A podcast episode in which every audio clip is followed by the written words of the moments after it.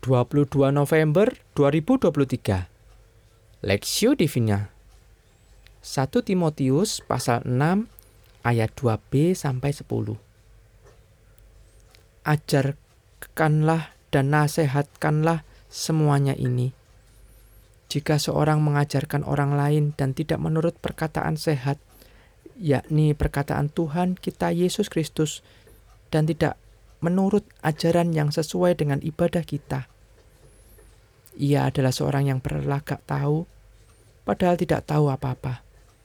Penyakitnya ialah mencari-cari soal dan bersilat kata, yang menyebabkan dengki, cedera, fitnah, curiga, percekcokan antara orang-orang yang tidak lagi berpikiran sehat dan yang kehilangan kebenaran, yang mengira ibadah itu adalah suatu sumber keuntungan.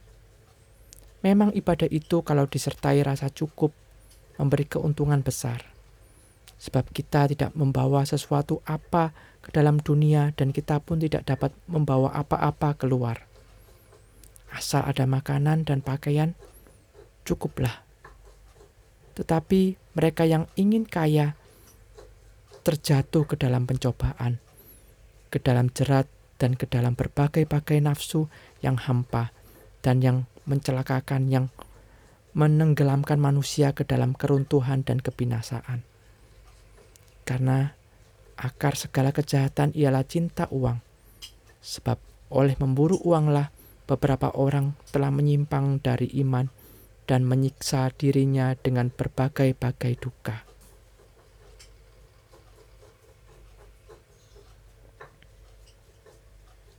Penyakit dalam jemaat perspektif. Jika seorang mengajarkan ajaran lain dan tidak menurut perkataan sehat, yakni perkataan Tuhan kita Yesus Kristus, dan tidak menurut ajaran yang sesuai dengan ibadah kita, ia adalah seorang yang berlagak tahu, padahal tidak tahu apa-apa. Penyakit dalam dikatori, penyakit dalam dikategorikan sebagai penyakit berbahaya.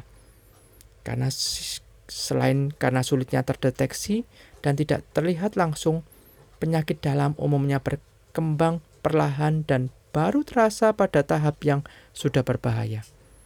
Penyakit dalam yang tidak diobati dapat menyebar dan mengakibatkan kerusakan pada organ lain, dan bahkan membawa kepada kematian. Sayangnya, dalam hidup berjemaat, sering kali kita juga tidak waspada adanya penyakit dalam jemaat yang perlahan menggerogoti dan mengakibatkan gereja atau umat Tuhan terpengaruh dan menjadi goyah.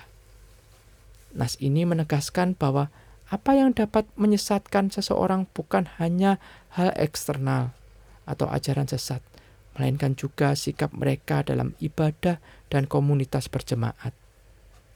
Lingkungan yang toksik dapat mengakibatkan gereja serta pelayanan menjadi ajang mencari keuntungan pribadi.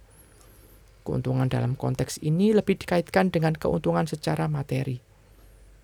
Kecintaan kepada uang mengakibatkan mereka jatuh dalam dosa yang merambah kepada cara mereka beribadah.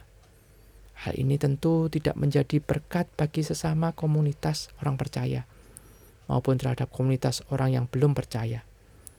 Berkat rohani dalam ibadah menjadi tidak berarti karena keuntungan secara materi, materi telah menjadi fokus utama sementara Tuhan dikesampingkan.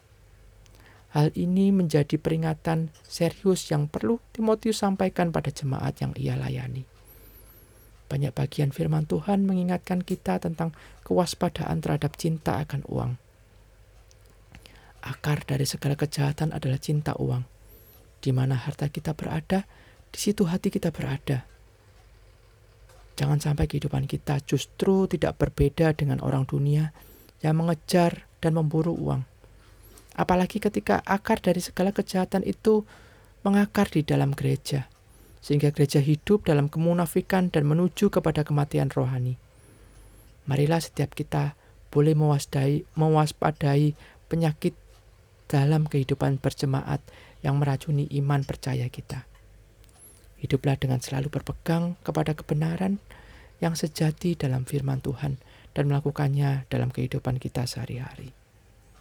Studi pribadi, apa ada keterta, keter, kaitan mengenai pengajaran sesat dengan penyakit dalam jemaat yang dibahas dalam perikop ini? Pokok doa, berdoalah agar Tuhan menolong kita memiliki komunitas yang sehat dalam pengenalan akan firman Tuhan yang benar